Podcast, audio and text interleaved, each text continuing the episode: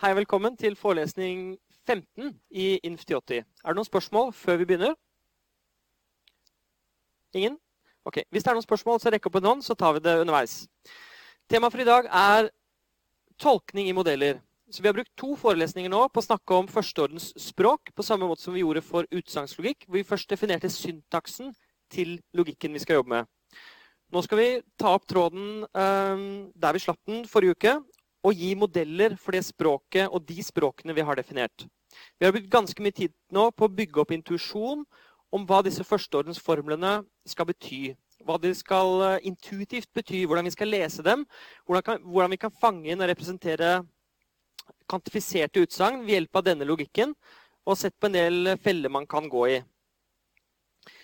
Det vi skal gjøre nå, er å gjøre alt sammen ekstremt presist. For nå skal vi definere modeller, og det gjør oss i stand til å si hvorvidt en førsteordens formel er sann eller usann, um, avhengig av hvordan den modellen er laget. Det er en perfekt analogi mellom valuasjoner i utsagnslogikk og modeller i førsteordenslogikk. Det er det som forteller oss om en formel er sann eller usann. En formel kan være sann eller usann, avhengig av hvordan vi tolker den. Så la oss nå gå i gang med det og se på tolkning i modeller. Så dette kapitlet så lærer vi om semantikken til førsteordenslogikk. Det vi har sett på til nå, er det vi kaller syntaksen. Um, vi skal se på hva modeller er, og hvordan disse kan brukes til å tolke førsteordens termer og formler. Så Vi begynner med å tolke termer, og så går vi over til å tolke formler. Men vi må gjøre dette systematisk, på samme måte som vi definerte førsteordens språk. Vi skal lære om hvordan substitusjoner brukes i tolkningen av kvantifiserte formler, og hva substitusjoner er, og så skal vi lære om begrepene gyldig, oppfyllbar, kontradiktorisk og falsifiserbar, som er nøyaktig de samme begrepene som for utsagnslogikk. Og det er det. Så det er, i likhet med mange kapitler så er det ikke så mye vi skal gjøre, men vi sier det mange ganger på mange forskjellige måter. Hvis dere har lagt merke til det, så er hvert kapittel nokså uh, lite innholdsrikt, men det er snakket om på veldig mange forskjellige måter. Så f.eks. kapittel om funksjoner, så er det noen sentrale begreper som dere skal kunne. Og sånn er det nesten for hvert kapittel. Det er noen sånne sentrale ideer. Så jeg håper at det er en um, viss trøst hvis dere syns at uh, dette er veldig massivt. Fordi det er kun noen sånne sen veldig sentrale ting. Og den sentrale tingen i dette kapitlet er begrepet om en modell. Så målet nå er å forstå hva en modell er, og hvordan vi på en presis måte kan si uh, hvorvidt en formel er sann eller usann uh, når en modell er gitt. Så vi skal lære å definere modeller og bruke dem til å gi tolkning til formler. Så, som en liten introduksjon, hvordan skal vi tolke førsteårens formler? Hva skal disse to tingene her bety? Der står det for alle x fi og eksisterer x fi. Hva skal de bety? Intuitivt så leser vi dem jo som for alle x um, så er det sånn at fi er sann, eller det eksisterer en x, så er det sånn at fi er sann. Og vi bruker de til å representere henholdsvis universelle og eksistensielle utsagn. Og hva kan vi bruke førsteårens formler til å uttrykke? Og hva er det førsteårens formler ikke kan uttrykke? Dette går litt utenfor pensum, så det skal vi ikke si så mye om. Vi skal på en måte være veldig fornøyd med hva vi klarer å uttrykke, men det er grenser for hva vi kan uttrykke med førsteordenslogikk også. Det er noe som heter andreordenslogikk, men det skal vi ikke snakke om. Og høyreordenslogikk. Hva gjør en formel sann, usann, gyldig, kontradiktorisk, oppfyllbar eller falsifiserbar? Dette er seks ord som betegner egenskaper ved formler. Relativt til en valuasjon eller modell. I denne konteksten her så er det modeller. Så de seks begrepene skal vi nå definere for førsteordenslogikk. Og vi skal også snakke om når er en førsteordensformel en logisk konsekvens av andre førsteordensformler. Si at noen uh, gir dere en gjeng med utsagnslogiske Nei, mener uh, førsteordensformler, og så skal dere finne ut hva som er logiske konsekvenser av dem. For å vite det, så må dere kunne definisjonene av modell. Hvis noen sier at uh, alle studenter er flinke, og um, A er en student. Da kan dere konkludere med at ja, mm, A er flink. Uh, og den type resonnering skal vi nå gå inn i. Uh, hvis dere fører at uh, alle studenter er flinke, A er ikke flink, da kan du konkludere med at han ikke er en student, osv. Så, videre. så dette er veldig enkle eksempler på resonnering med, med kvantifiserte utsagn. Og det dere har vært borti, det er begrepet om, om moteksempel. Fordi hvis vi kommer med en universell påstand, sånn som alle partall har en bestemt egenskap, så vil et moteksempel være ett tilfelle som ikke oppfyller den. Og da, I denne konteksten her, så er det å lage en modell som gjør formelen usann. Så hvis vi har representert førsteordens, et utsagn som en førsteordens formel, så kan vi komme med ett moteksempel, og vil si en modell som faktisk gjør den usann.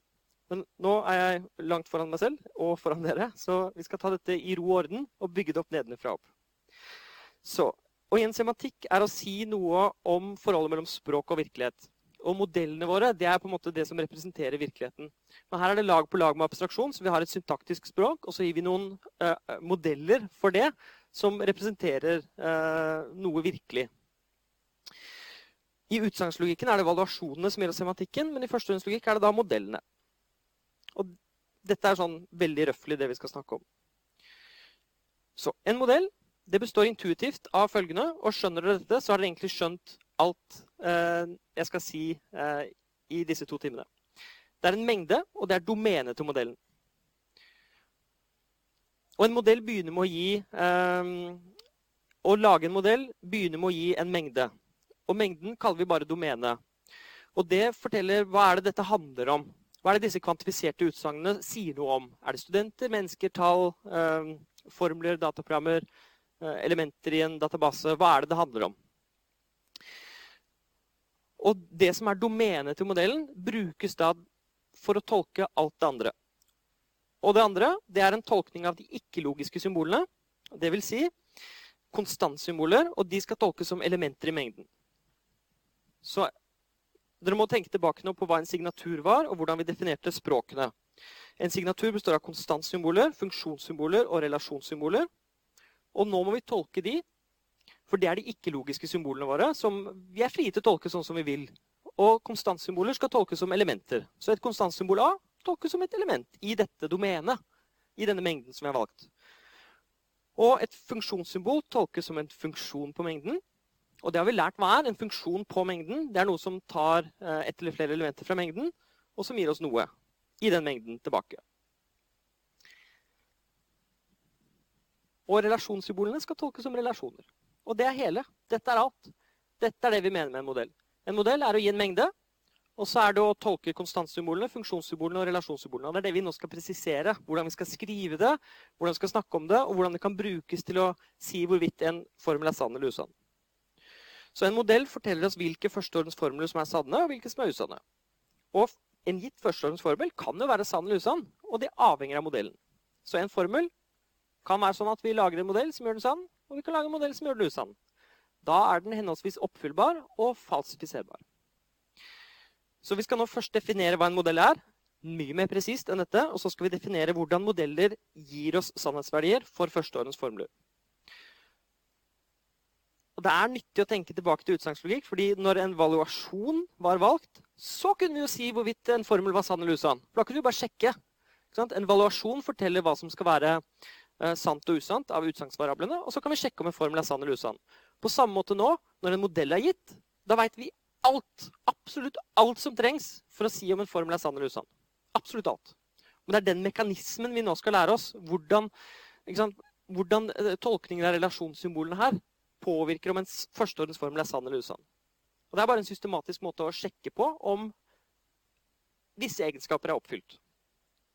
Så nå skal vi bygge opp litt intuisjon. Um, Sannhet avhenger av tolkning. Se på denne formelen her. For alle x, px. Vi leser den som for alle x, så er px sann. Og hvorvidt denne formelen er sann eller usann, avhenger av hvordan dette relasjonssymbolet p tolkes i en modell.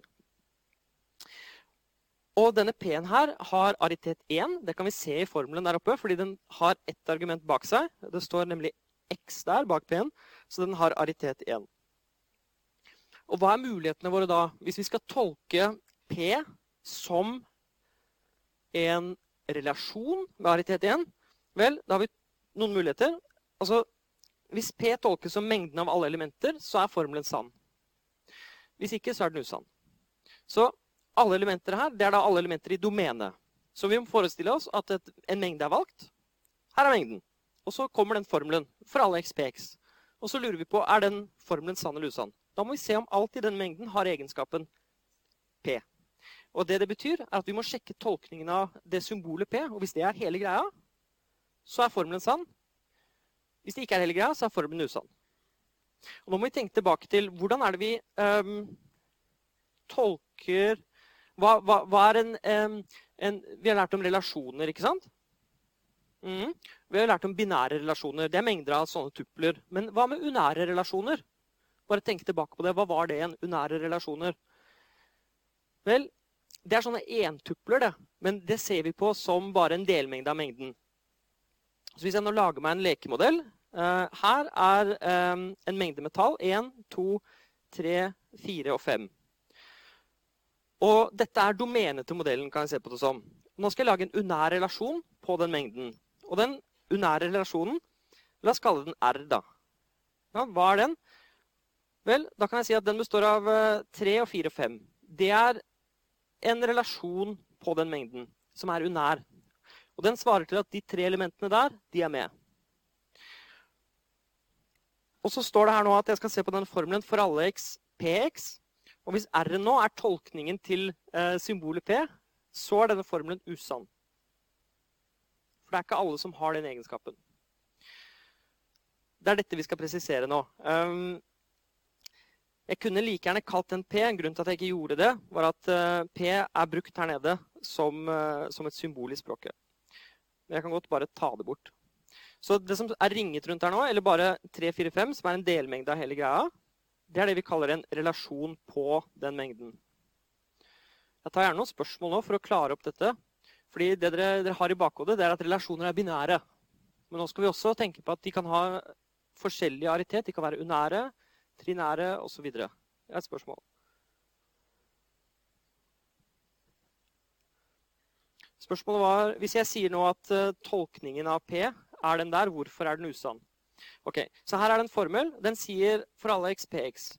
Og Den den intuitivt sier, um, det er at det elementet der skal ha en egenskap. Det skal ha egenskapen P. Den skal ha egenskapen P, den skal ha P, og den skal ha P. Og så sa jeg hvis det P-symbolet der tolkes som den relasjonen der, så er det bare disse tre som har den egenskapen, men ikke disse to. La meg gjøre dette enda tydeligere. La meg eh, tegne opp to forskjellige modeller. En som gjør formelen sann, og en som gjør formelen usann. Igjen så skal dette bli straks veldig mye mer presist. Um, så jeg har en uh, mengde med disse fem tallene. Og én relasjon uh, på den mengden, det, det viste jeg, det er, det er, de tallene der. Det er ofte derfor vi kaller det uh, sånne for um, Dette kalles også for predikater. Um,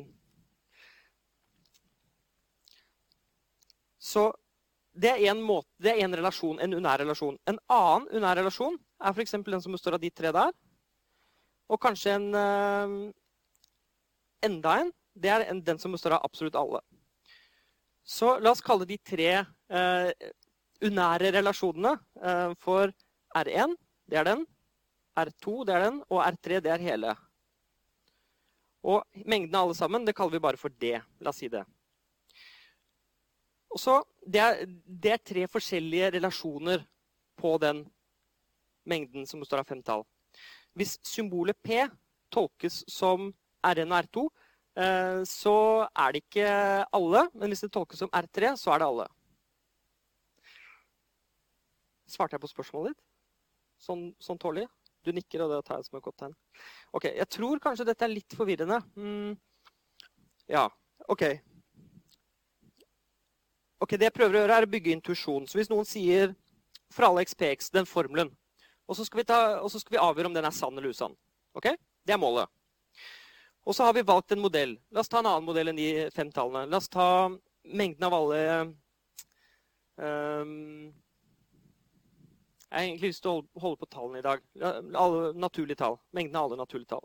Og så er det noen som har sagt 'for alle XPX'. Mm. Uh, og det betyr f.eks. Um, Kanskje det representerer for alle x, så er eh, P et partall. At P-en betyr det. For alle x så er P et partall. Og så sitter vi her da, med denne modellen med alle naturlige tall. Og så skal vi sjekke om for alle x px er sann.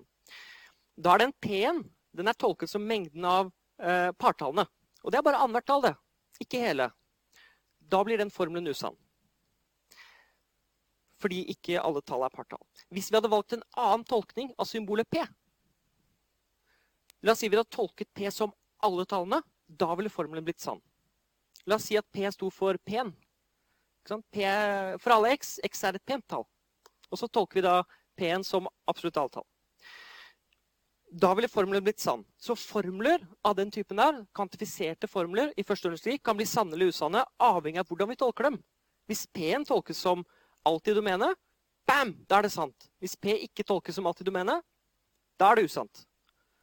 Så hele poenget mitt med de fem tallene var å si at det symbolet P, hvis det er et relasjonssymbol med aritet 1, så må det tolkes som en delmengde av hele greia. Hvis vi velger hele, så blir formelen sann. Hvis vi ikke velger hele, så blir formelen usann. Det er det eneste jeg forsøkte å si. Jeg tror kanskje jeg forvirret eh, dere litt. Men ble, ble det klarere nå? Så det er intuisjonen som ligger under hvordan vi tolker formler på den formen.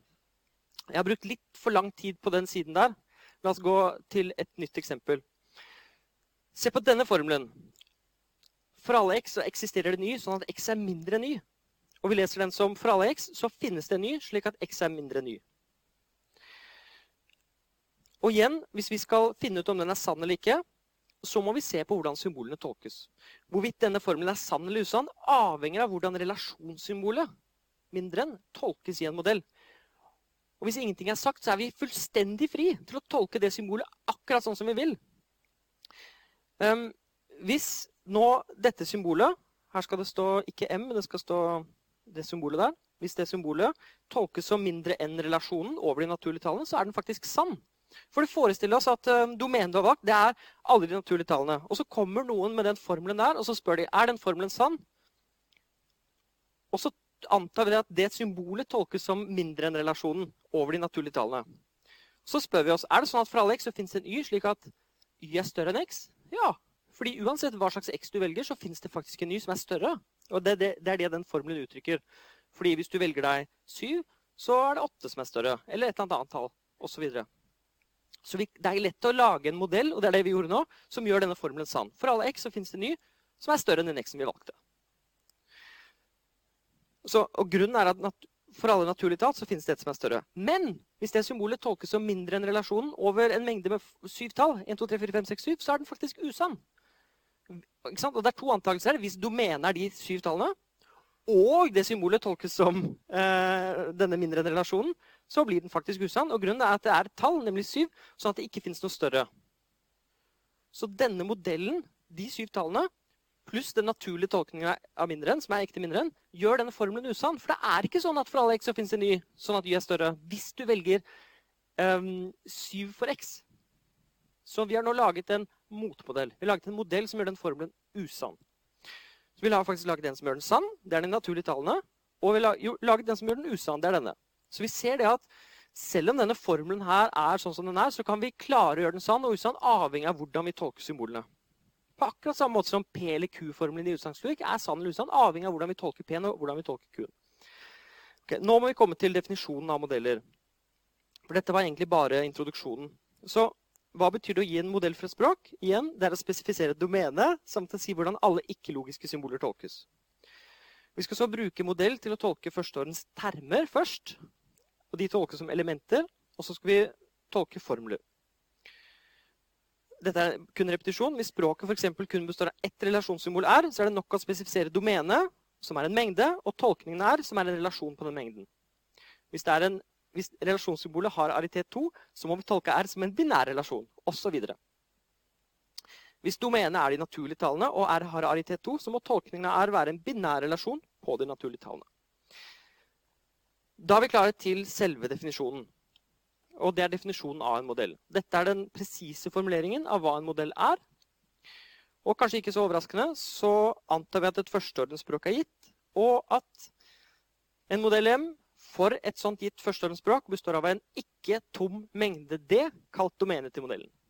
Så det første du skal gjøre når du får en formel, og du skal lage en modell, så må du finne på et eller annet domene. Kanskje domenet er mengden av alle studenter. Kanskje det er mengden av alle biler. Kanskje det er mengden av tall. Kanskje det er reelle tall. Kanskje det er partall.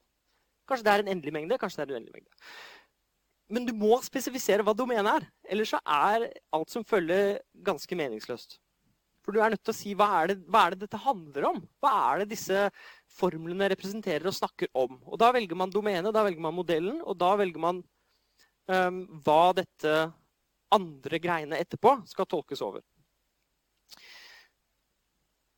Og så står det at den skal være ikke tom. Og det er en ganske viktig begrensning. Um, hvis du tillater tomme domener, så er det mye rart som skjer. Og det blir masse kluss og unntak. Filosofene er veldig opptatt av dette. Um, man kaller det gjerne fri logikk eller sånn, hvis man tillater at det er lov. Det er ikke pensum. Vi skal bare tenke at den skal ikke være tom, for da blir det tull. Ja, men det er sant. Det blir litt tullete. Um, hvis noen er nysgjerrig på det, så får dere spørre meg. Ok, Og så skal vi ha en funksjon som tolker alle ikke-logiske symboler på følgende måte. Så ikke heng dere opp i det ordet funksjon. Ah, det er liksom å si 'ikke tenk på en isbjørn'. Uh, sorry. Uh, um, en modell består av en mengde og noe det er det jeg mener, som tolker de ikke-logiske symbolene på følgende måte. Hvis K er et konstantsymbol, så skal K tolket i M være et element i domenet. Og den som står der, det er det som er så viktig. Fordi vi skiller nå mellom K. Der står K. Det er et konstantsymbol. Og mellom dette, som representerer K tolket i modellen M Det er to forskjellige ting. Det er det symbolet som representerer noe, og dette her som det representerer. Så dette her det er da ett element i domenet. Det er derfor vi bruker det symbolet der og det symbolet der. For det er et element i domenet. Dette her er bare symbol. Dette her er eh, symbolet tolket i modellen M. En veldig viktig distinksjon um, som er viktig å ha klar for seg. Hvis F er et funksjonssymbol med aritet N, hva tror dere kommer nå? Jeg har sagt det allerede tre-fire-fem ganger, men nå skal vi gjøre det presist. Hvis F er et funksjonssymbol med aritet N, da skal F tolket igjen være en funksjon fra den mengden der til den mengden der. Og denne mengden her, det oppi igjen, det er mengden av n-tupler over domenet D. Hvis domenet D er de naturlige tallene, og F har aritet Oi. Eh, hvis F har aritet eh, La oss si 3, da. Det vil si at eh, dette her kan forekomme. F, A, B, C kan forekomme i det førsteordensspråket.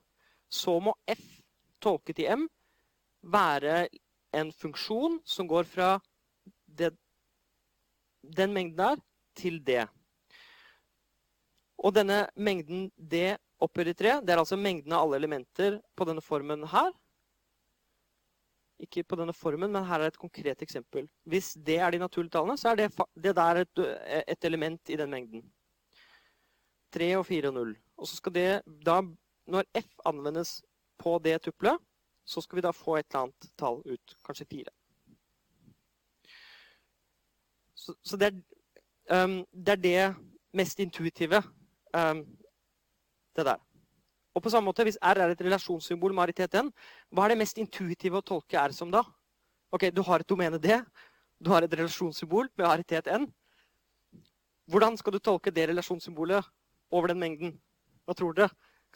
Det er bare én ting å si. Det er at R tolket i M skal være en NR-relasjon på det domenet. Ja, sånn er det. Hva er det? Eh, det er en delmengde av D opphøyd igjen. Så hvis to, N er 2, da, så blir det en binær relasjon. Og en binær relasjon det er en delmengde av absolutt alle tupler. Så det er en delmengde av det opphøyd i 2. Kanskje den er tom, kanskje den er hele greia, men det er en, en eller annen delmengde. Så du må tolke det som en relasjon. Og så er det notasjon. Det er denne notasjonen her. M, som er da navnet på modellen vår. Vi bruker M som et symbol. Vi kan, godt, vi, men det er igjen, vi kan bruke N og andre, andre symboler for andre modeller, eller M1, M2, M3 osv. Hvis vi nå har valgt en modell, så bruker vi det symbolet her nede uh, for domene. Så hvis vi ikke har lyst til å si at domenet er D eller E eller F, eller en eller annen, eh, sette navn på det, så kan vi bruke den notasjonen der for å si at det representerer domenet. Ok. Det er, det er, egentlig det. Nå har vi gitt definisjonen av modell. Dere, er det noen spørsmål til det? Eller skjønner dere den?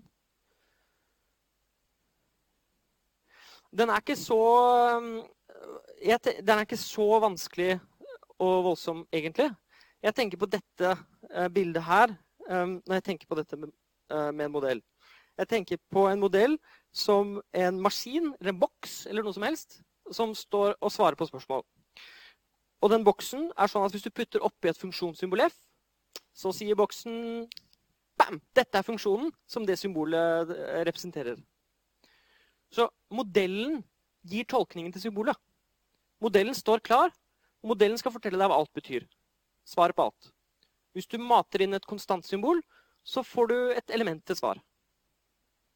Hvis du mater inn et funksjonssymbol, så får du et funksjon til svar. Hvis du mater inn et relasjonssymbol, da får du et relasjon til svar. Og det kan også svare på spørsmålet hva er domenet? Og så svarer modellen domenet er de naturlige tallene. Så modellen, når modellen er gitt, så er svaret på alle disse spørsmålene også gitt. Så Det er det jeg mente med at det er en funksjon i stad. Fordi modellen består av domene og en funksjon som tolker alle symbolene. Så den svarer på hva alle disse symbolene betyr, og hva de skal bety. Det er hva en modell er. Ok, Nå skal vi først tolke termer, og så skal vi tolke formler. Fordi nå er modellen gitt. Ehm, og når modellen er gitt, så kan vi ikke bare putte opp i et konstantsymbol eller et funksjonssymbol eller et relasjonssymbol. Vi kan putte opp i en sammensatt term. Og det er kjempegøy, for da kan vi putte opp i eh, A pluss B ganget med det, eller noe som helst som er en term, en førsteordensterm, sånn som vi har definert det. Det skal gjøre først, og så etterpå skal vi putte opp i formler. Og når vi putter opp en formel, så f.eks. For, for alle xpx, da kommer modellen til å si sann. Eller usann. Den kommer aldri til å svare Sorry, jeg veit ikke. Eh, fordi når tolkningen av disse symbolene er gitt, så er alt bestemt.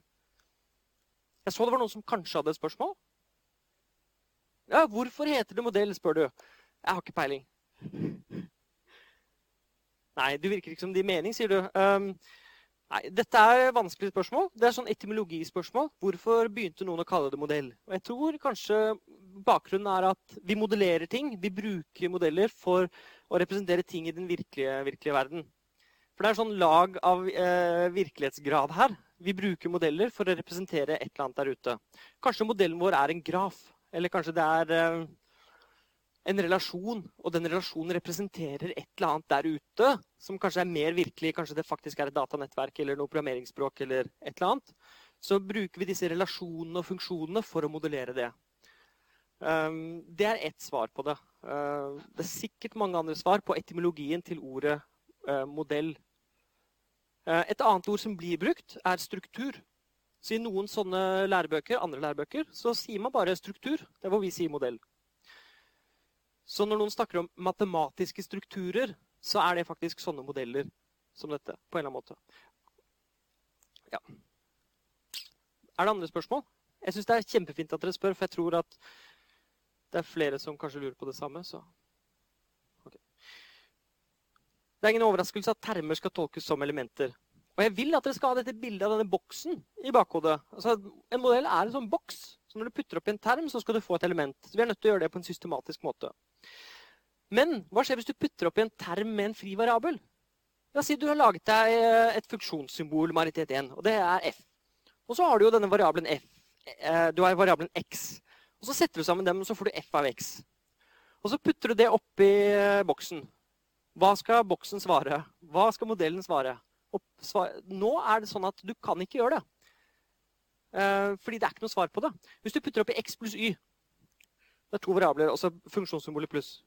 Så sier modellen eller boksen jeg har ikke peiling. Jeg veit ikke. For x og y har ikke noen verdi. Så vi skal faktisk lage et sånt filter nå. Eh, du har kun lov til å slippe opp i boksen ting som ikke har frie variabler. Og vi trenger begrepet med lukket term. Og det igjen er det sånn språkbruk som er uh, nokså etablert. da. Og Det betyr bare at den ikke inneholder noen uh, variabler. Så en term kalles lukket hvis den ikke inneholder noen variabler.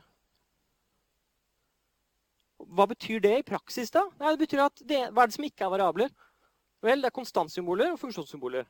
Så det eneste du kan sette sammen da, er konstantsymboler og funksjonssymboler. Og det er da de lukkede termene. Og det avhenger selvfølgelig av språket. ikke sant? Hvis du har laget et språk med konstantsymbolene 0 og 1 og funksjonssymbolet pluss, så er lukkede termer over det språket kun sammensetninger av 0 og 1 og pluss. Ingen variabler. Ikke noe ekstra og ikke noe y. Og nå skal vi tolke termer, um, og vi skal tolke kun lukkede termer. La et førsteordensspråk være gitt, og la M være en modell for det språket.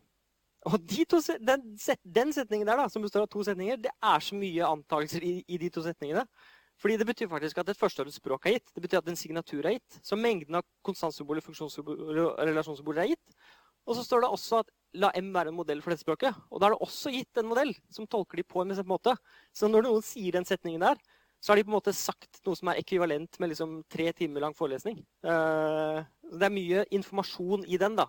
Det betyr bare at du antar at en hel masse greier er gitt og ligger, ligger der. Og så resonnerer vi fra den antakelsen. Og I dette tilfellet så definerer vi noe gitt denne antakelsen. Da skal vi tolke en lukket term på følgende måte. Og En lukket term består nå av Dette er også helt generelt. da, Det er et funksjonssymbol og masse termer. Det er ingen annen form en lukket term kan være på, bortsett fra når det er konstantsymboler.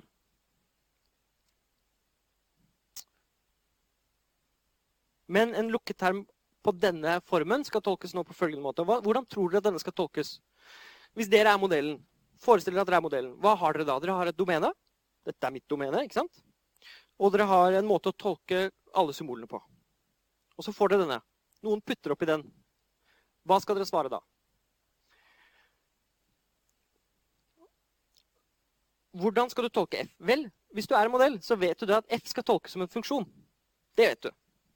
Og hvis du også hadde kunnet tolke alle disse termene som elementer i domenet, så hadde du kunnet si at vel, tolkningen til denne sammensatte termen nå, det er tolkningen av det funksjonssymbolet f, som blir en funksjon. Så det jeg setter ring rundt nå, det er en funksjon. Er dere enig i det? Det er sånn vi har bestemt at funksjonssymboler skal tolkes. Og det jeg skal gjøre nå, det er å tolke alle disse termene også. Og her er det magi eh, på gang. Ikke magi, men det er, det er, veldig flott. Fordi det jeg gjør nå, er å tolke alle termer helt systematisk og rekursivt. Dette er en rekursiv funksjon. La meg gjøre dette um... Jeg skal gi eksempler på det, så jeg trenger egentlig ikke å gi enda et eksempel. Så um, den notasjonen her betyr den sammensatte termen f med termene T1 til T1, tolket i modellen M, for det er det du skal svare på når du får den termen oppi, det er resultatet av å se på tolkningen av f, og så tolker du alle de n termene for seg, og da får du n elementer i domenet, putter de inn i funksjonen, og så får du svaret. Det er prosessen som er, eh, som er på gang der. Og det som kan skje, er at den der T1 tolket hjem. Kanskje T1 er også en sammensatt term. Kanskje det er enda et funksjonssymbol med masse termer bak. Da må du også grave deg inn i den. Men til slutt så kommer du til konstantsymbolene. For du er nødt til å gjøre det fordi dette er induktivt definert. Når du kommer til et konstantsymbol, hva skal du gjøre da? Da veit du jo hva det skal tolkes som. Det er det som er basistilfellet i denne rekursive funksjonen. Da kommer du til et konstantsymbol. Da tolker du det som et element. Hvis f.eks. alle disse T1 til T1 var konstantsymboler, så ville dette her ikke vært spesielt eh, eh, rekursivt dypt, da, for å si det sånn. Eh, da ville du tolket F, og så ville du tolket disse N her som konstantsymboler, og så var du ferdig. Da kunne du anvende funksjonen på de elementene, og så var du ferdig. Så det er en veldig viktig nivåforskjell her. da. Eh, det som jeg streker under nå, uten den M-en der, det er noe syntaktisk. Og det jeg nå setter firkant rundt her borte, det er et element. Ett element. Det er ikke en funksjon lenger. Det er ett element fordi du har tatt funksjons, funksjonssymbolet som er tolket som en funksjon, og anvendt på masse elementer. Da får du ett element. Så det er en veldig viktig nivåforskjell. Jeg tror jeg skal gå gjennom ett eksempel, så ser dere dette i praksis. Så Jeg liker sånne leketøyseksempler, for det gjør at vi kan ha kontroll på ting. Så la nå M være en modell med et domene med tallene 0, 1, 2, 3, 4. Og det, den modellen skal være sånn at konstantsymbolet A tolkes opp 3. Og dette skriver vi sånn det som står der. Så den notasjonen her er A tolket i M. Og det skal være lik tallet 3.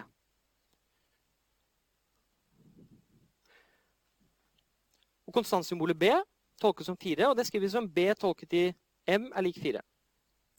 Og Så tar jeg et funksjonssymbol F med aritet 1. og jeg, velger meg nå et språk. Eh, det er ikke gitt noe sted. Jeg bare antar at jeg har et eller annet språk, og språket inneholder disse symbolene. Funksjonssymbolet F har aritet 1, og det tolkes som en funksjon på den mengden.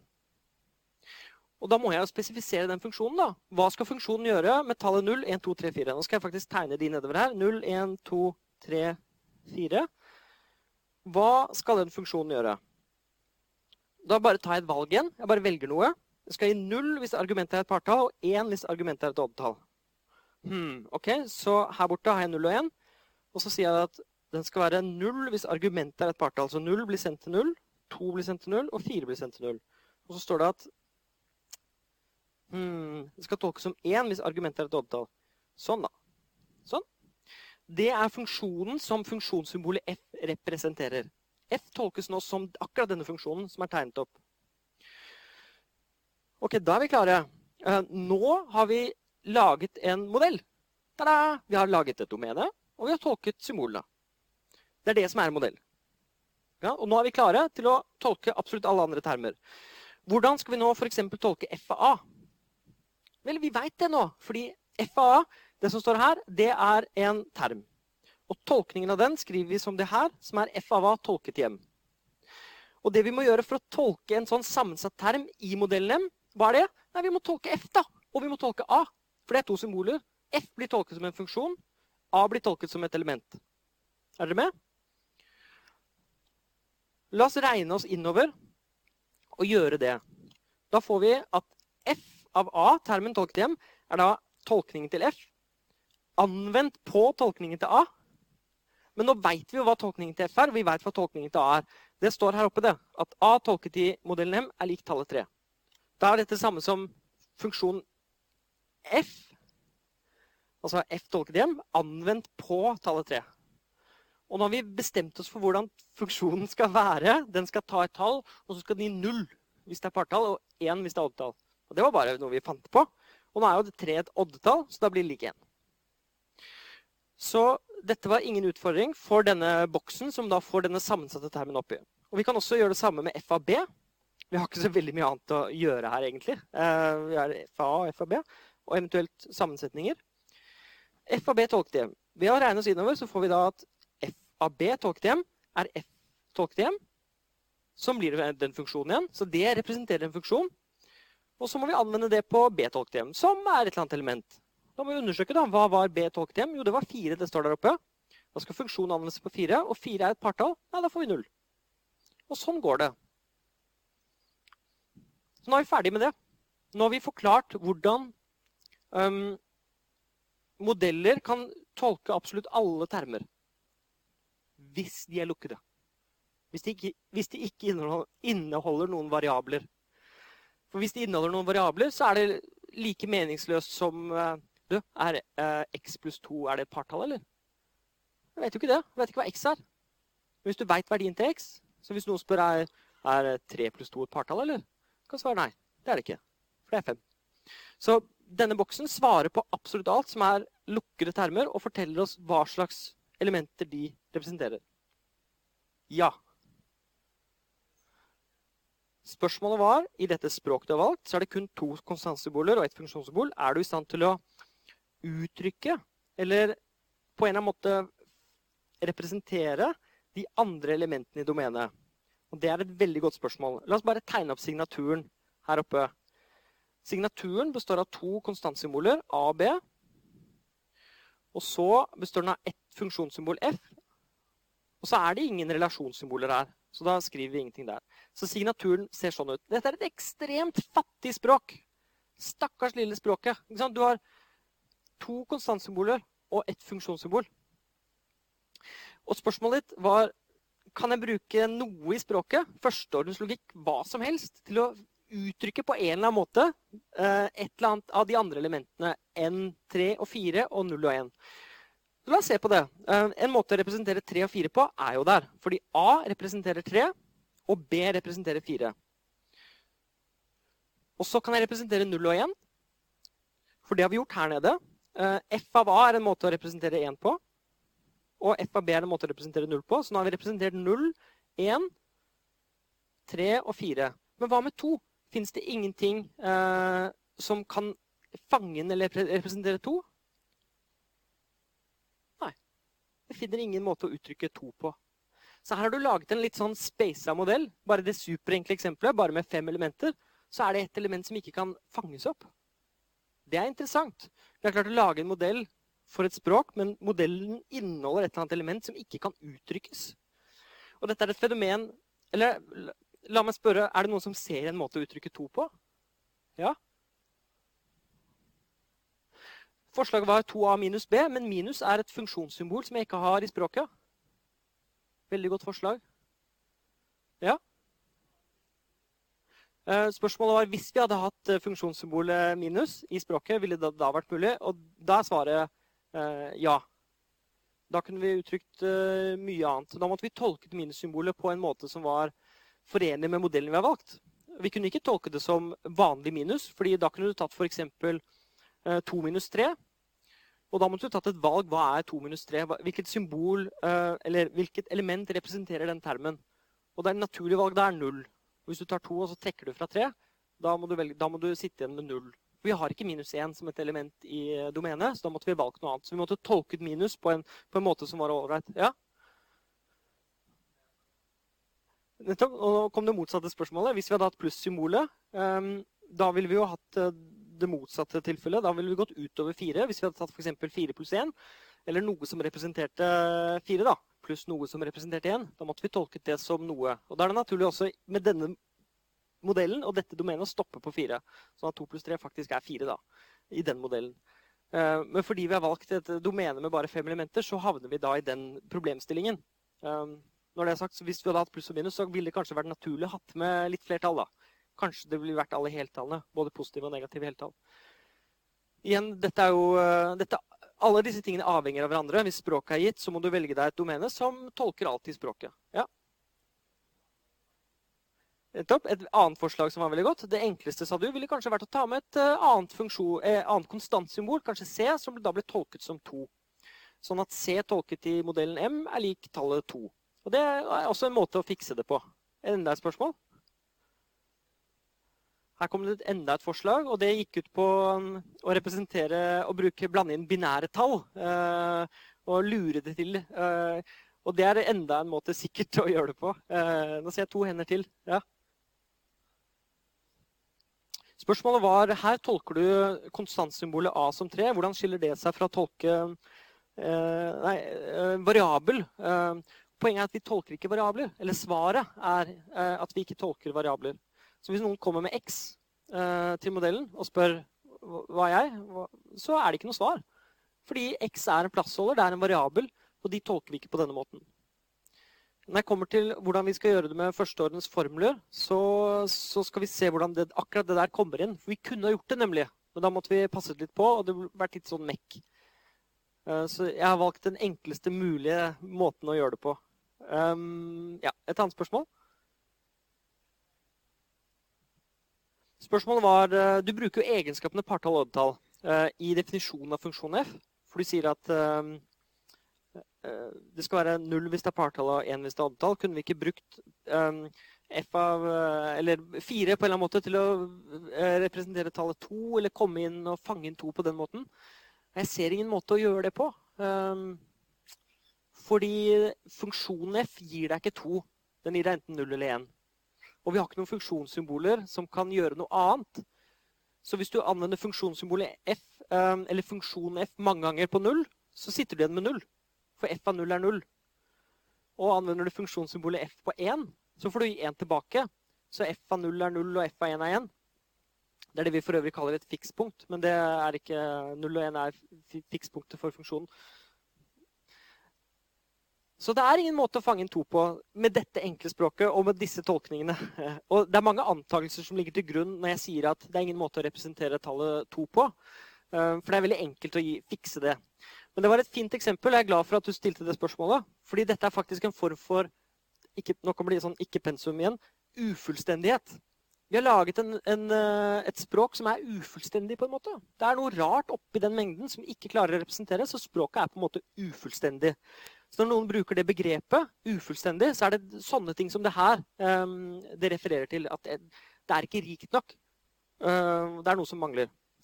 Da må vi ha eh, en liten pause. Uh, da fortsetter vi etterpå. Ok, Velkommen tilbake etter pausen. Nå skal vi fortsette med å tolke atomære formler. Og så skal vi bruke det til å tolke alle førsteårets formler. Det er agendaen for den neste timen. Og vi skal bruke alt det vi har lært, uh, nesten samtidig. Så la oss gå i gang med å tolke atomære formler. Først skal vi gi sannhetsverdi til atomære formler. Deretter skal vi definere sannhetsverdier for førsteordens formler. For å finne ut hvorvidt en lukket atomær formel er sann en modell, må alle relasjonssymbolene og alle termene i formelen være tolket. Deretter kan vi sjekke om tolkningen av relasjonssymbolene er i samsvar med tolkningen av termene. Henger dere med?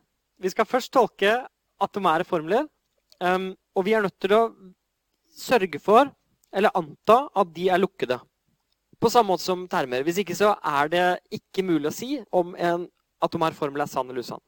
Så nå kommer definisjonen av tolkningen av en lukket formel. Så anta at M er en modell for et førsteordens språk. Og så tar vi en eller annen lukket atomær formel. Og den må være på denne formen med et relasjonssymbol og n termer. Og de termene kan være sammensatte og hvor komplekse som helst. Nå veit vi hvordan alle de skal tolkes. Hver TI av de som står der, kommer til å bli tolket som et element i domenet. Det har vi sørget for. Vi er ferdig med det. Nå skal vi tolke relasjonssymbolet. Og så skal vi sjekke om dette er i samsvar på en eller annen måte. Vi sier at formelen som består av relasjonssymbolet er, med de n-termene bak, er sann i M. Og vi skriver det på denne måten. Nå bruker vi dette symbolet her, som betyr 'gjør sann'. Det betyr 'oppfyller', eller noe i den um, gata der. Um, formelen er sann i M, betyr det. Hvis følgende holder, hva tror dere kommer nå? Hvordan skal vi avgjøre om en formel er sann eller ikke? Jeg har jo sagt at vi har tolket T1 til T1 som n elementer. Så de har vi. Vi skal også tolke R som en mengde av tupler. Enig? Vi skal tolke det som en relasjon. relasjon. Altså R er et relasjonssymbol som blir tolket som en relasjon, som er en mengde av tupler. Hvis det er en unær relasjon, så er det bare en delmengde av domenet. Eller så er det en mengde av tupler. Hvordan skal vi nå bruke de tingene sammen for å sjekke om en formel er sann eller ikke? Det er egentlig, eh, hvis man har tenkt litt på det, én måte å gjøre dette på. En veldig naturlig måte å gjøre det på, og det er denne her. Vi lager oss et tuppel av de n-elementene, og så sjekker vi om det er med i relasjon. Dette er eh, en måte å skrive på at du lager et tuppel. Du lager et n-tuppel. Hvorfor er det et n-tuppel? Jo, fordi dette er et element i domenet, og så kommer det n sånne bortover. Og her er det ett element til. Og så lager jeg et tuppel, og så sier jeg at det er et element i den relasjonen der. Fordi R tolket igjen blir en relasjon som blir en mengde med sånne tupler. Vi vet at R tolket igjen er en delmengde av domenet oppøyd i n. Og det det betyr, er bare mengden av absolutt alle n-tupler hvor elementene kommer fra det. Så bør man fjerne det igjen. Så det er den mest naturlige måten å sjekke det på. Hvis det nå står f.eks.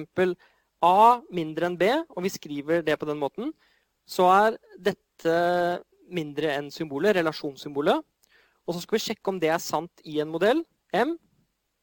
Ok, Hva må vi sjekke da? Vi må sjekke om tuppelet som består av A tolket i M, komma B tolket i M, om det tuppelet der er element i det symbolet der tolket i M.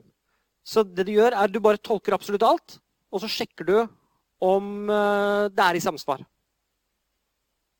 Det er ideen. Så du, egentlig lager du deg den mest naturlige overgangen fra språk til eh, modell som overhodet mulig. Um, jeg har jobbet mye med dette, så jeg har, nesten ikke flere måter å si det på enn det. Um, du tolker termene, du tolker relasjonssymbolene, og så sjekker du om ting er inneholdt sånn som det skal være. Og nå skal vi se eksempler på det, men um, ja, la oss ta et eksempel på det. Anta at M er en modell med de naturlige tallene som domene. Nå lager vi oss en modell og implisitt i den antakelsen så er det det at vi har allerede et førsteordensspråk. Det er et eller annet språk som vi har laget en modell for. Det er en sånn skjult antakelse når man sier en sånn setning. Hvis noen sier det, anta at M er en modell. Det går ikke an å si det uten å samtidig indirekte anta at et eller annet språk er gitt, og til å lage en modell for det akkurat det språket. Så det ligger liksom bak. Det ligger ikke liksom bak, det ligger bak. Det er en skjult antakelse her. Anta at A tolket hjemme lik 3. Dette er bare en antakelse. Og B tolket hjemme lik 4. Og så tolker vi R som mindre enn relasjonen på de naturlige tallene. Fint. Da lurer jeg på om RAB er sann i M. Og det er den. Og hvorfor det? Vel, A tolket i M er jo lik 3. Det har vi antatt. Og det er faktisk li, mindre enn B tolket i M, som er lik 4. Her er det et samsvar mellom den lukkede atomære formelen RAB, som er noe rent syntaktisk, og den binære relasjonen som utgjør tolkningen av R. Vi ser at RAB er sann i modellen M. Hvorfor det? Fordi tuppelet, som består av A tolket og B tolket er et element i R tolket Og når det er tilfellet, så kan vi skrive modellen M, gjør formelen R A B sann. Vi skriver det sånn. Så hvis noen skriver det her, modellen M gjør R A X sann, så er det meningsløst. Fordi der står det en X, og vi kan, gjøre, vi kan, ikke tolke X.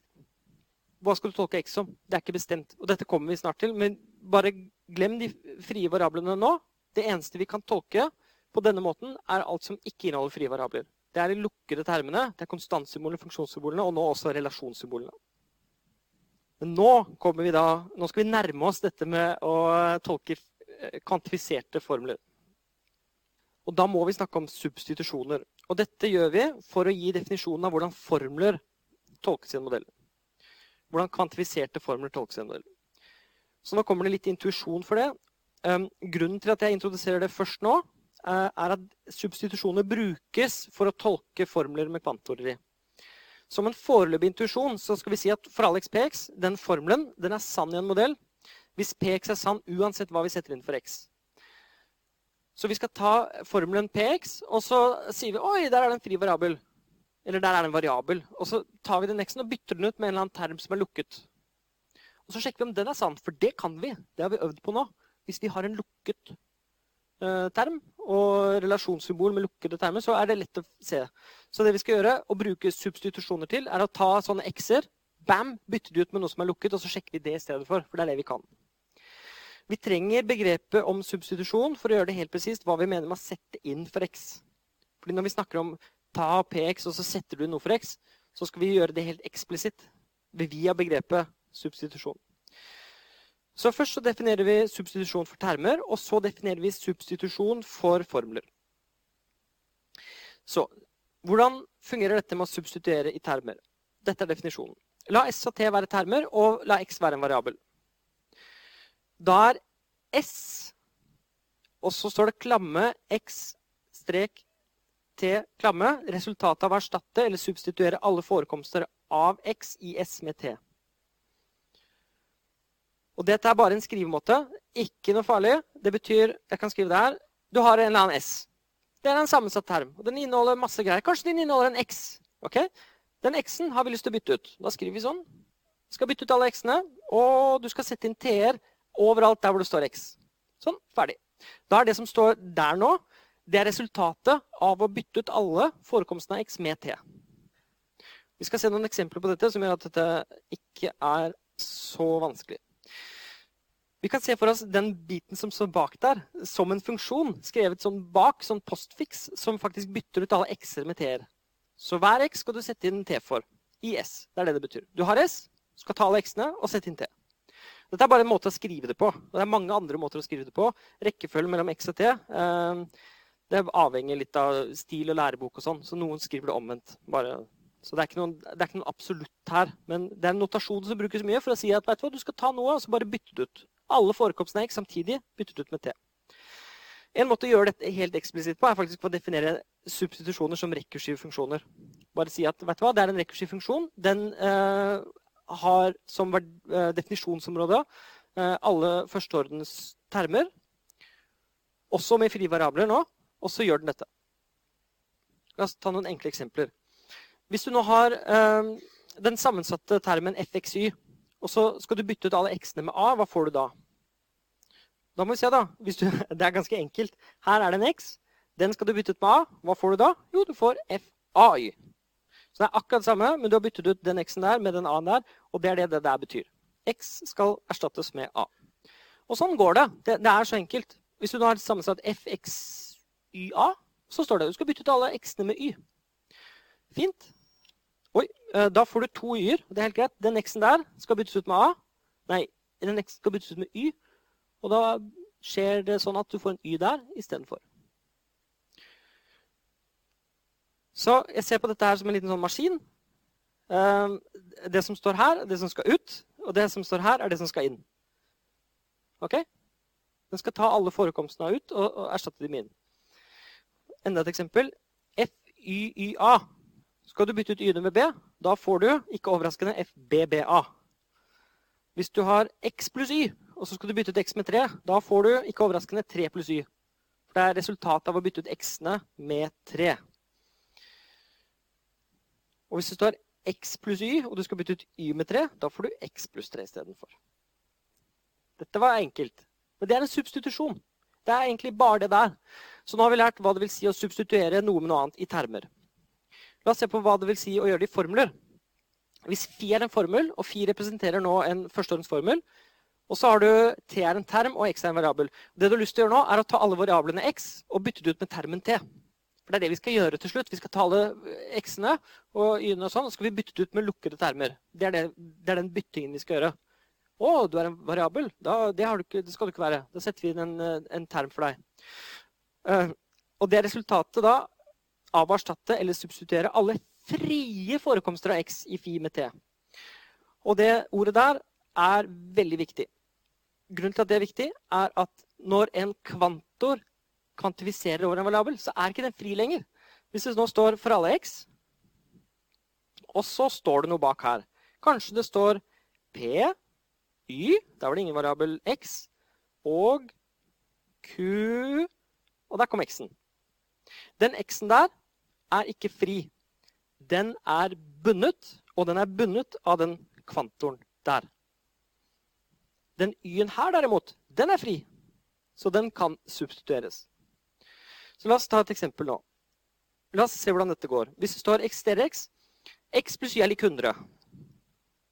Og så ser vi at ok, der er det en x. Den er bundet av en eksistenskvantor. Men det er en y der, og den er fri. Den er veldig eksponert. Og det vi ønsker å gjøre nå, det er å bytte ut y-ene med 25. Alle y-ene. Det er bare én y der. Og hva tror du blir resultatet? Jo, det er denne. x 3 x, slik at x pluss 25 er lik 100. Så det jeg streker under her, resultatet altså, det er nøyaktig dette her, med én forskjell. Det er den y-en der har gått over til å bli 25. Og det var det eh, den biten her sa at vi skulle gjøre. Vi skulle bytte ut y med 25. Og nå er det sånn at den kvantoren her, det er en kvantor som um, beskytter den x-en der. Og som jeg sa i den forrige timen, som ikke ble tatt opp, uh, så er det litt sånn at det er en sånn ridder som står og passer på. Um, og beskytter alle forekomstene av sin variabel. Du står en ridder der og sier 'eksisterer x'. Alle de x-ene bak her, det er mine.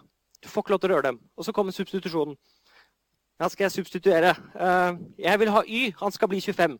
OK, ja, fint. Det er bare å ta den, du. Fordi denne Y-en er ikke under denne kvantorens beskyttelse. Så substitusjonen får komme og herje fritt med den Y-en. Og Y-en uh, blir borte og blir erstattet med 25. Um, ok, La oss ta et nytt eksempel. Her står det PXY og for alle X PXY. Så PXY står to ganger. Den, på venstresiden av åktegnet så står det um, uten noen beskyttelse, og på høyresiden så står det X-en med beskyttelse. Men Y-ene forekommer veldig ubeskyttet. Og så kommer da substitusjonen og banker på og sier jeg skal ha alle X-ene, og de skal, nei, de skal, erstattes med A. X-er skal byttes ut med A. Og så er det sånn at den stakkaren her, han står ubeskyttet. Vi kaller det for fri. Det er en fri variabel. Eh, den variabelen der er beskyttet av den kantoren der, og den skjer det ingenting med. Så når du gjør denne utbyttingen, så er det kun den variabelen her som går over til å bli det konstantsymbolet der. Du ser at Her er fremdeles x-en. Den er beskyttet av fradragskantoren, og ingenting skjer. Så substitusjoner eh, er veldig bra, eh, men de substituerer kun frie variabler, og det er det som er meningen. Fordi disse frie variablene de kommer til å være der og svirre litt rundt. Og de representerer på en måte termer. Og, og, og symboler. De står, Det er bare plassholdere. Så det vi bruker substitusjonene til, det er på en måte å, å bytte ut de med whatever, og så ser vi hva som skjer. Det er litt sånn. Det, og det skal vi komme til når vi skal tolke formler. La oss ta en siste eksempel. Hvis vi tar PXY og i PXY, som er akkurat den samme formelen. Og nå kommer det en annen substitusjon og banker på og sier jeg vil ha alle y-er. De skal bli til a-er. Ja, alle y-ene er ubeskyttet, så alle blir da til a-er og blir borte. Fint. Da er det sånn at vi er klare til å tolke sammensatte formler. Alt dette bygger opp nå til en stor definisjon av hvordan eh, formler skal tolkes. En siste antakelse er at vi skal anta at språkene er rike nok. og nå kommer forklaringen av det. I tidligere eksempler har vi ofte hatt konstantsymboler for alle elementene i et domene. Vi har, vi har, hatt et domene, og så har vi sagt ok, her er konstantsymbolene som representerer alle elementene. Det konstantsymbolet representerer det elementet, det konstantsymbolet det elementet, osv. Så sånn. I andre eksempler så har vi ikke hatt det. Og er veldig, Det er veldig nyttig å ha det sånn, men det er ikke alltid sånn at alle konstantsymboler er med i språket. Hvis du tar naturlige tall, eksempel, så er det ikke sånn at du har et konstantsymbol for alle naturlige tall. Du bruker gjerne en eller annen form for representasjon, uh, en sammensatt en. Eller kanskje du har det. Du kan godt si at um, sifferet 2, 3, 4, 5 for eksempel, representerer tallet 2, 3, 4, 5, og, du, og at det er da et konstantsymbol. Det er helt OK. Så, men vi har strengt tatt ingen garanti for at språk er så rike. Kanskje du har kun to eh, konstantsymboler, A, B eller 0 og 1. Hva skal du gjøre da? Nå skal vi gjøre en antakelse, og det er for å forenkle det litt. Og det gjør vi for å definere semantikken. Vi skal nå anta at for enhver modell og ethvert språk dette er en kjempestor antakelse, så inneholder språket konstantsymboler for absolutt alle elementer i domenet. Wow! Det er en kjempeantakelse, fordi hvis en eh, modell er gitt, hva som helst, så skal du bare anta at signaturen inneholder faktisk ett konstantsymbol for hvert eneste element. Og da får du ingen ufullstendighet, på en måte. Er, alt er dekket av et eller annet konstantsymbol. Så hvis du har et eller annet element i domenet, bam, så har du et konstantsymbol. Og det er en stor antakelse, for tenk hvis har modellen din består av reelle tall. Da har du faktisk eh, et konstantsymbol for hvert reelle tall. Og det er helt greit. Vi har lov til å anta sånne ting. Um, hvis M er en modell, og nå kommer antakelsen skrevet ut eksplisitt Hvis M er en modell for et gitt førsteordensspråk, så antar vi at for ethvert element A i domenet til modellen M finnes det et konstantsymbol A også med strek over i språket. Så A-en er elementet, f.eks. et reelt tall, og A med strek over er, et, um, er konstantsymbolet som representerer det elementet. Og For å gjøre det helt presist så skal vi anta at enhver modell M tolker det symbolet som A. Og det har vi en fancy måte å skrive på, eh, nemlig at A med strek over tolket i M er lik A. Den, eh, den likheten der den forteller oss at noe som er konstantsymbolet som representerer A, når du tolker de modellene, så får du A. Det er bare en måte å definere A på det har, det har, vært mange metaforer for den A-en, og noen av de som dere kanskje kan bruke, det er mm, en peker. Fordi her er eh, de reelle tallene, eller naturtallene, eller noe sånt. Og så lager vi oss konstantsymboler i språket vårt som peker på de. Så hvis du, står, hvis du står tallet 3, så får du 3 med strek over, som på en måte er symbolet som representerer tretallet. Pi, og så får du pi med strek over. Så vi lager oss bare konstantsymboler, og vi bruker disse strekene over for å fortelle at det er, det er bare et konstantsymbol som representerer det som er der nede i domenet. Så vi antar at språkene er ekstremt rike, og vi har faktisk et konstantsymbol for alle. Dere skal nå øyeblikkelig se hvorfor jeg gjør den antakelsen, og hvorfor det hjelper oss til å gi en ekstremt presis tolkning av førsteordensformler. Er det noen spørsmål til dette før jeg suser videre? Jeg bygger opp ting lag på lag nå. Jeg håper at det er forståelig. La oss bygge litt mer intuisjon før vi kommer til, uh, litt mer intuisjon før vi kommer til definisjonen. Så intuitivt så skal disse formlene eksisterer og for alle formler tolkes på følgende måte. En formel eksisterer i xfi. Den er sann. Hvis vi kan sette inn noe for x i fi, sånn at fi blir sann Ok, Så du har en formel fi. Noe. Den inneholder noen variabler og litt forskjellig. men den er ikke nødvendigvis lukket. Og spesifikt skal den inneholde x. Og det er kult. Og da sier vi at den er sann, denne eksisterer x4-formelen, hvis jeg kan sette inn noe for den variabelen som gjør den sann. La oss se på et veldig enkelt eksempel. Um, for eksempel så er denne formen her eksisterer x, slik at x minus 5 er lik 0. Den er sann. Altså denne kvantifiserte formelen er sann. Hvorfor det? Jo, for jeg kan faktisk sette inn noe for x. Uttrykket x minus 5 blir sant når vi setter inn 5 for x. Så hvis jeg bytter ut x der med 5, så får jeg et sant uttrykk. Jeg får en sann formel som ikke inneholder frie variabler. Så når jeg har en, når jeg har en, um, en førsteordens formel som er eksisterer x, x minus 5 er lik 0, så kan jeg si at OK, hvor, er den sann eller usann? Vel, um, den er sann fordi det går an å sette inn noe for x som gjør det som, gjør det som står bak der, sant. Skjønte du den? En måte å svare på det spørsmålet på. For nå er vi i denne modellen igjen. Modellen er her. Og Du skal putte en førsteårens formel oppi, og så skal modellen svare sann eller usann. Og hva skal den gjøre? Jo, en måte å, å gjøre det på det sier oi, den var stor og komplisert. Den hadde en eksistenskvantor. Jeg liker ikke sånne. Jeg liker lukkede termer. Og jeg liker lukkede liksom, atomære formler. De kan jeg svare på. Kan tolke som relasjonssymbol og sånn. Hm, hva skal jeg gjøre? Hm.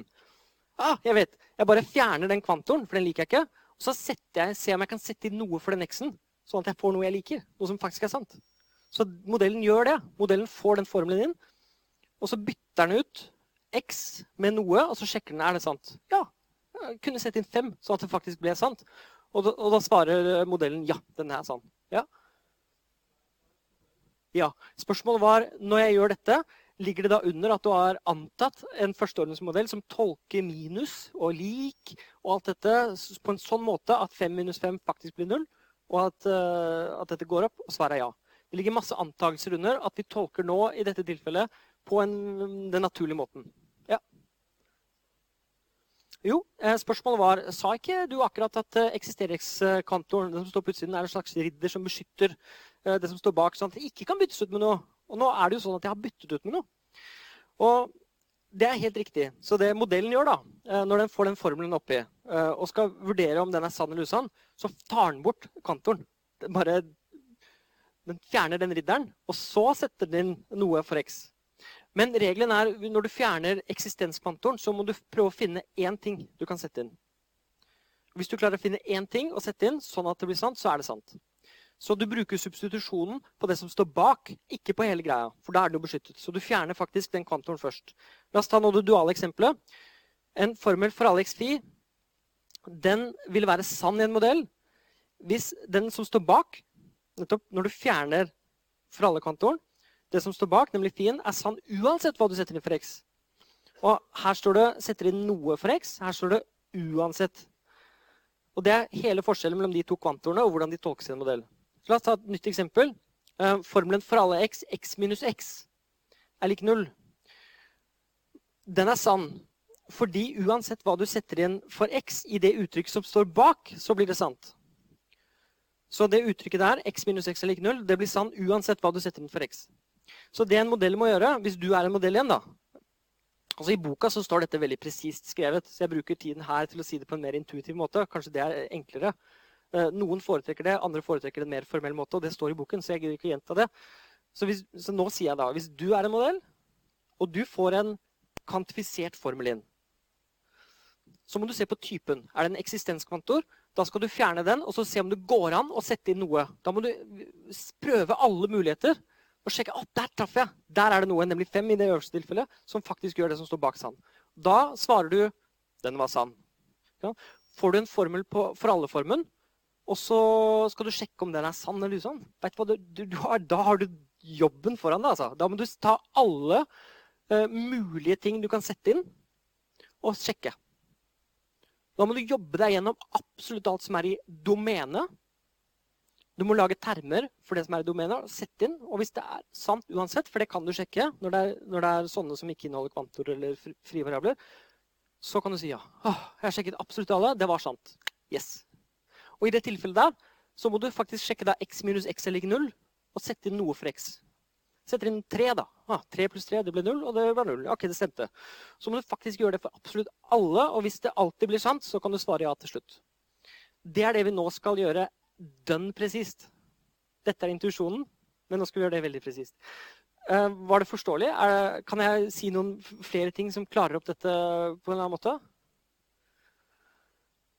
Ok, men Da tar jeg definisjonen, og så spør jeg igjen etter definisjonen. Uh, nå kommer hoveddefinisjonen i denne forelesningen. Um, altså den andre hoveddefinisjonen. For den første er definisjonen av en modell. Det må vi kunne. Men definisjonen av en modell er det som gir oss dette. Nå skal vi tolke alle formler. Så anta at M er en modell for et førsteordnet språk. Da er det gitt et førsteordnet språk. Det er gitt en modell. Og den modellen tolker, den gir et domene, og så tolker den alle symbolene. Vi skal nå definere rekursivt, hva det vil si at en lukket formel fi er sann i M. Vi har en skrivemåte for det som er fin, nemlig at modellen M gjør fi sann. Det betyr at fi er sann i modellen M. Det var en skrivemåte. Og nå er det veldig viktig at den fien er lukket. Hvis den har en eller annen fri variabel, et eller annet sted, så kan vi ikke svare på det. Men vi skal faktisk kunne svare nå på alle lukkede formler. Selv de med kvantorer. For de er lukkede. Og grunnen til at de blir lukkede formler, er at alle de variablene som er inni der, blir beskyttet. Hvis det står for alle x px, så er det jo en x inni der, men den er ikke fri. Så du har faktisk en lukket formel. Hvis du står for Alex pxy, så er den y-en den forekommer fri. Og da kan du ikke svare. Da kan ikke modellen svare 'jeg veit ikke'. Men så lenge alt er lukket og beskyttet av disse kvantorene som står utenfor å passe på, så er det greit. Ok, det vi vet fra før, det er hva det vil si at en modell gjør en atomær formel sann. Husker du det? Da må vi tolke alle disse t-ene, termene. Og så må vi tolke r-en. Og så må vi lage et tuppel, og så må vi sjekke om det tuppelet er med i tolkningen her. Så den linjen som står over der, er det vi allerede har gjort. Nå skal vi gi instruksjoner til denne modellen om hvordan alle de andre formlene skal tolkes. Hvordan tror dere at en um, ikke-formel skal tolkes? For det er nå en sammensatt formel. Hvis du putter en ikke-formel oppi modellen, så skal modellen svare ja eller nei. Den er sann eller usann. Da sjekker den først fi. Og så hvis svaret ble ja, så svarer den nei. Hvis svaret ble nei, så svarer den ja. Ikke sant? Fordi da kan vi grave oss innover på den måten. Så vi sier at M gjør ikke fi sann hvis det ikke er tilfellet at M gjør fi sann. Så vi må sjekke da, eh, om det er tilfelle at M gjør fi sann, og så svarer de det motsatte av det. Dere kan godt spørre underveis hvis det ikke er klart. Og dette her er akkurat det samme som i utsagnslogikk. Det. det er det motsatte tolkningen av ikke-fi er det motsatte av tolkningen av fi. Hvordan skal vi da tolke den? Altså M gjør en og-formel sann. Vel, da må vi sjekke om modellen faktisk gjør begge sann, og det gjør den. Så gjør vi det samme for eller. Så gjør vi det samme for pil. Dette er nøyaktig det vi gjør i utsagnslogikk. Så den spennende biten kommer egentlig nå. En bitte liten kommentar før vi sier det. Det står 'hvis' her, og alltid i definisjoner så er det indirekte 'hvis' og bare 'hvis'. Men det er ikke nødvendig å si det, fordi dette er både en nødvendig og tilstrekkelig betingelse. Fordi definisjoner er av den naturen at den forteller hva som kan byttes ut med hva, og hva som er synonymt med hva. Og det blir altså mindre presist å skrive 'hvis' og bare 'hvis'. Hvis noen har lyst til å diskutere det, eller høre dypere begrunnelser for det, så kan jeg ta det. Det står faktisk i boken. Men dere kan spørre meg. Nå kommer da dette spørsmålet. Hvordan skal modellen behandle denne for alle x phi? Og det, nå har vi gjort alt uh, grunnarbeidet for å gjøre dette. Det intuisjonen er, er at vi skal ta fi, og så skal vi bytte ut x. Vi skal bruke en substitusjon, som vi har lært hva er med absolutt alle mulige termer som det går an å sette inn. Så skal vi sjekke om de er sanne. Så formelen gjør for Alex Fisan hvis modellen gjør for Alex Fisan hvis modellen gjør absolutt alle sånne instanser sanne, uansett hva du velger i domenet. Så det modellen må gjøre for å sjekke om en for alle-formel er sann, det er å ta og sjekke for ethvert element A i domenet til M om Fi blir sann hvis vi bytter ut X med konstantsymbolet som representerer A. Og det som skjer her, er at du, du oversetter fra for alle x phi, som er en førsteordens syntaktisk formel, til et eller annet fenomen som har med modellen å gjøre, og som kan undersøkes matematisk. Og vi gjør det på en litt sånn smart og syntaktisk måte, for vi sjekker om absolutt alle instanser av den fi-formelen er sann, uansett hvilket element du velger fra domenet. Så dette er på en måte en instruksjon til modellen. Modellen står der og kan veldig mye rart, og nå kommer det en for alle-formel dumpende nedi. Og For å sjekke om den er sann, så skal modellen da fjerne for alle-kvantoren, og så sjekke om formlene fi, hvor du bytter ut x-en, som var det som ble kvantifisert over, med absolutt alle mulige konstantsymboler i det utvidede språket. Og grunnen til at vi tok med det utvidede språket, er faktisk å ha et symbol for absolutt alt i domenet. For å kunne gjøre akkurat dette. Det var det eneste grunnen til at vi antok at språkene var så sykt rike som de var. Det var å kunne gjøre akkurat det der. Grunnen til at vi snakket om substitusjoner, er at vi ville gjøre akkurat det der. Det var den eneste grunnen til det. Så den linja der er grunnen til at vi snakket om substitusjoner. Til at vi snakket om dette utvidede språket. Så den linjen der er den viktigste i denne forelesningen. Hvis dere skjønner den, så har dere skjønt det. Neste linjen er det helt duale. Når skal en eksistererformel bli sann? Vel, hvis vi kan finne et eller annet element i domenet, og så sette inn for x det konstantsymbolet som representerer det elementet i domenet, bam, da er du i mål.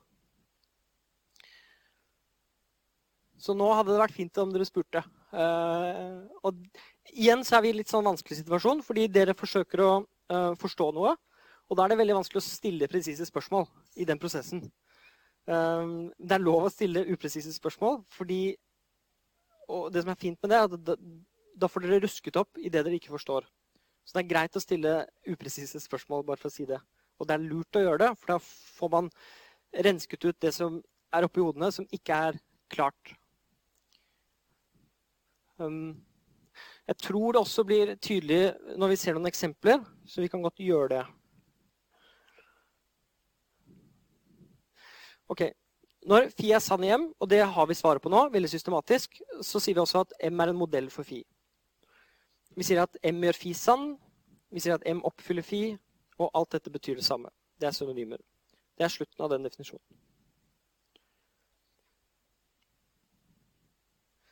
Så jeg tror vi skal lage noen eksempler og se på noen eksempler på dette. Bare veldig kort, hvis dette er signaturen Jeg syns dette er en artig signatur. Og dette er en helt lovlig signatur. Dere har lov til å gjøre absolutt hva dere vil når dere lager språkene, så lenge dere gjør det presist.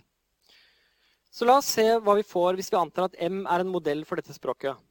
Hva veit vi da? Da må disse tre her være elementer i domenet. Uansett hva domenet er. Vi, vi lager et eller annet domene.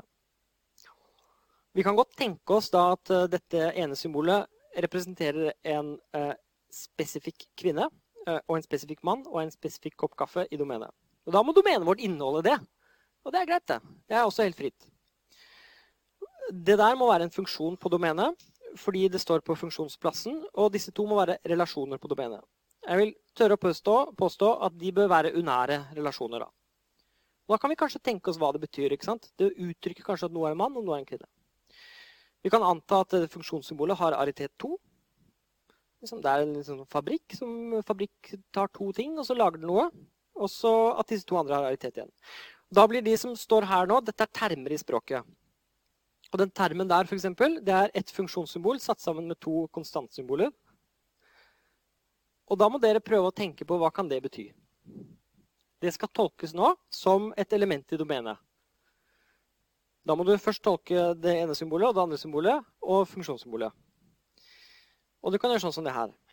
Dette er en sammensatt term i språket. Det er ikke en atomær formel. Det er ikke en formel engang, det er en term i språket. Fordi det er en sammensetning av konstantsymboler og funksjonssymboler. Dette her er en atomær formel i språket. Og den må tolkes som sann eller usann, avhengig av hvordan du tolker disse to symbolene. Det ene symbolet blir tolket som et element, det andre som en relasjon, og så må du sjekke om det er et samsvar. Samme med dette. Og det samme med dette. Og Grunnen til at dette er en atomær formel, er at det som står inni her, er en term. Og Det er et relasjonssymbol, og da får du en atomær formel. Og Så kan vi lage sammensatte atomære formler, og alle disse er sammensatte formler. Denne her uttrykker kanskje at det finnes en X, sånn en X både er mann og kvinne. Det er det vi kan forestille oss. Og da må vi sjekke om det er sant eller usant i modellen. Og for å sjekke om det er sant, for å koble det til denne, da er vi nødt til å sjekke om det fins en eller annen A i domenet til modellen M. Og det skriver vi sånn. Og så er vi nødt til å sjekke om denne formelen som jeg nå skriver, om den er sann i modellen. Da skriver vi det. Er, modell, er det sånn at modellen gjør denne formelen sann? Så må jeg klarer å tegne disse symbolene. Sånn. Og så må vi ta A med strek over, for det er det vi lurer på. Om det er faktisk sant. Og så sjekker vi om dette andre her også er sant. Og det som står bak, det som jeg nå streker under med rødt, det der, er en lukket førsteordensformel som modellen enkelt kan svare på om er sann eller ikke. For å gjøre det så tolker den alle symbolene. Det der blir tolket som et element i domenet, nemlig A. Det der blir også tolket som A. Dette blir tolket som, eh, en, som en relasjon. Det blir tolket som en relasjon. Og så sjekker den om begge de er sanne, og så sjekker den om Da er den ferdig. Hvis begge er sanne, så er faktisk denne formelen sann. Og så har vi et mer komplekst eksempel som kanskje uttrykker noe annet. Dette kan dere forestille dere selv. Eh, hva uttrykker. Ok, Så det vi nå skal se på, er um, oppfyllbarhet og gyldighet av førstehåndsformler. Og det vil også da Vi skal bruke det til å se på noen eksempler, avhengig av hva vi rekker. da. Så en lukket formel er oppfyllbar hvis det finnes en modell som gjør det sann. Eller den er kontradiktorisk. Hvis den ikke er oppfyllbar, så er den kontradiktorisk. En lukket formel er gyldig hvis alle modeller gjør den sann. Og gjør den sann er nå definert presist eller den er falsifiserbar. Hvis den ikke er gyldig, så er den falsifiserbar. En mengde lukkede formler er oppfyllbar eller falsifiserbar hvis det finnes en modell som gjør alle formlene sanne eller usanne. Her er det lurt å lese kommentarene i boken, for der står det litt mer om, om disse eksemplene. Ok. La oss se på noen eksempler og oppgaver om dette. For jeg tror det blir mye enklere å forstå når man har konkrete eksempler. Så la oss vise at denne formelen her er gyldig. Denne formelen er for alle x, px eller ikke px. For å svare på det spørsmålet så er vi nødt til å undersøke om denne formelen er sann uansett hvilken modell vi velger. Så la M være en vilkårlig modell. Og da skal vi undersøke om den modellen gjør denne formelen sann. Og for å sjekke det, la E være et vilkårlig element i domenet til modellen. Og nå kommer et argument som argumenterer for at denne formelen faktisk alltid er sann. Uansett hvordan P tolkes, så vil enten E være i tolkningen av P, eller så vil E ikke være det. Hvis du faktisk velger deg et element i domenet til M, så må det elementet være med i tolkningen til P, eller det må ikke være det. I det første tilfellet så vil M gjøre denne formelen her sann. Nemlig P, hvor jeg har satt inn noe for x i den formelen. I det andre tilfellet så vil modellen gjøre den formelen sann. Det betyr at distinksjonen er sann uansett hva du velger for e. Og per definisjon så betyr det at modellen gjør den formelen sann. Dette er ett eksempel på hvordan vi kan resonnere om førsteårens formler. Det jeg innser nå, er at dere trenger enklere eksempler på akkurat dette. Ehm, derfor så tror jeg at jeg skal bruke resten av tiden på faktisk bare lage et enkelt eksempel og snakke om det. For det dere har sett nå, er ganske mye på en gang. Dere har sett um, definisjonen av en modell. Og så har jeg sagt bare hvordan den modellen skal brukes for å tolke formler. Det jeg tror dere har forstått uh, ganske intuitivt, er hvordan modellene brukes til å tolke lukkede termer. Er, er dere med på det? Lukkede termer det er funksjonssymboler satt sammen med funksjonssymboler. Og Så blander vi det sammen og tolker det. Da får vi noen elementer. Jeg tror den vanskelige biten er ikke førsteordens atomære formler, for det var også ganske enkelt. Vi sjekket bare om noe var med en relasjon. Men jeg tror kneika kanskje er dette med å tolke kvantifiserte formler. Så la meg skrive dette en gang til modellen M gjør en formel for alle x. Og nå kan jeg sette inn noe konkret bak der. I stedet for noe veldig abstrakt som er bare fi, la meg sette inn noe konkret. La meg sette inn det enkleste jeg kan forestille meg, da, px. og det kan, bety, det kan representere nesten hva som helst. Det kan representere for alle XPX. Hvor P1 kanskje representerer partall eller perfekttall eller noe som helst. Noe som helst sånt. Hva betyr det som står der per definisjon?